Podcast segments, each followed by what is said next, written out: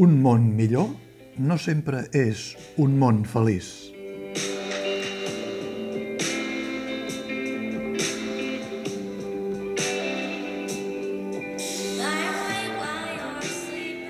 Al cor d'Europa,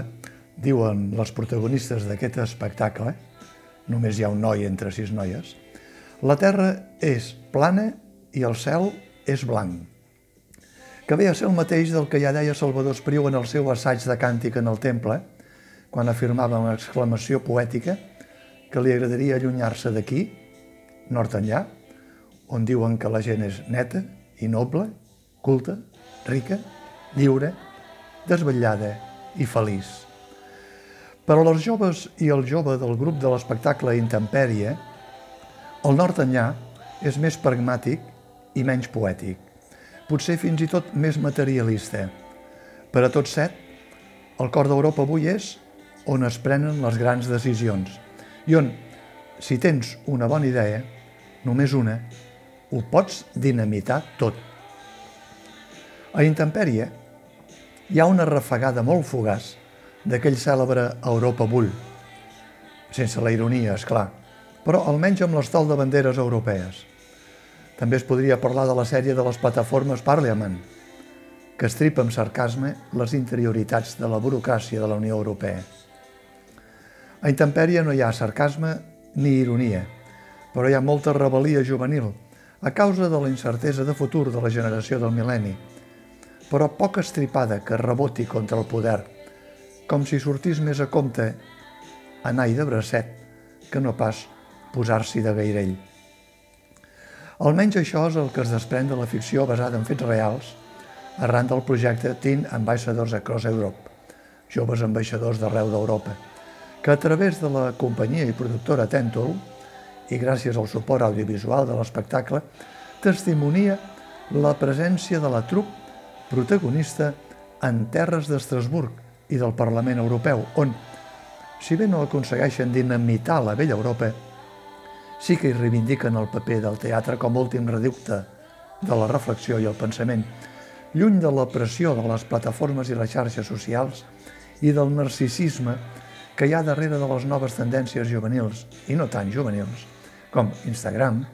carregada de fugasses history, o el matrallatge incessant de TikTok amb el culte al cos.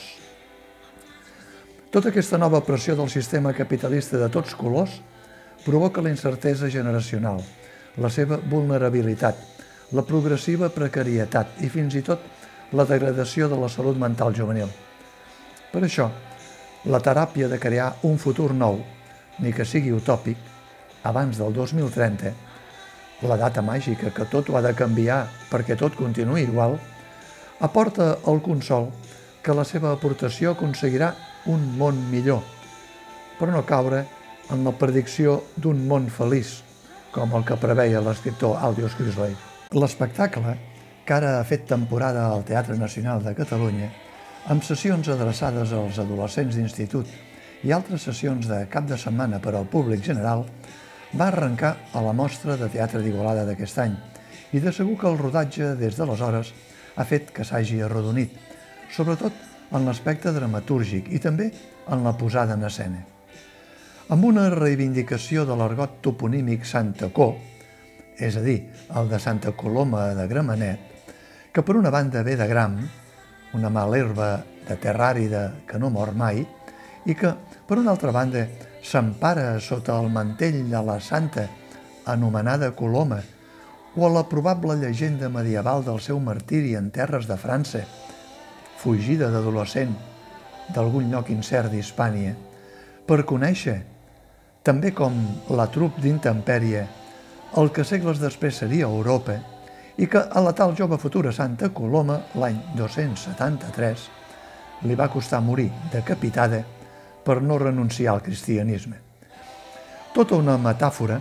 que l'espectacle Intempèrie tanca en cercle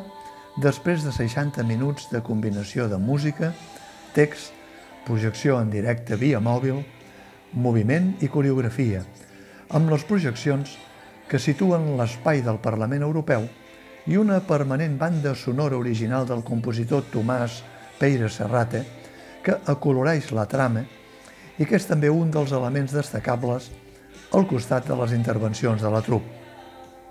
Una trup que, tot i estar en procés de maduresa escènica, manté un notable rigor discursiu, carregat de denúncia i reflexió, i que arriba lingüísticament net als espectadors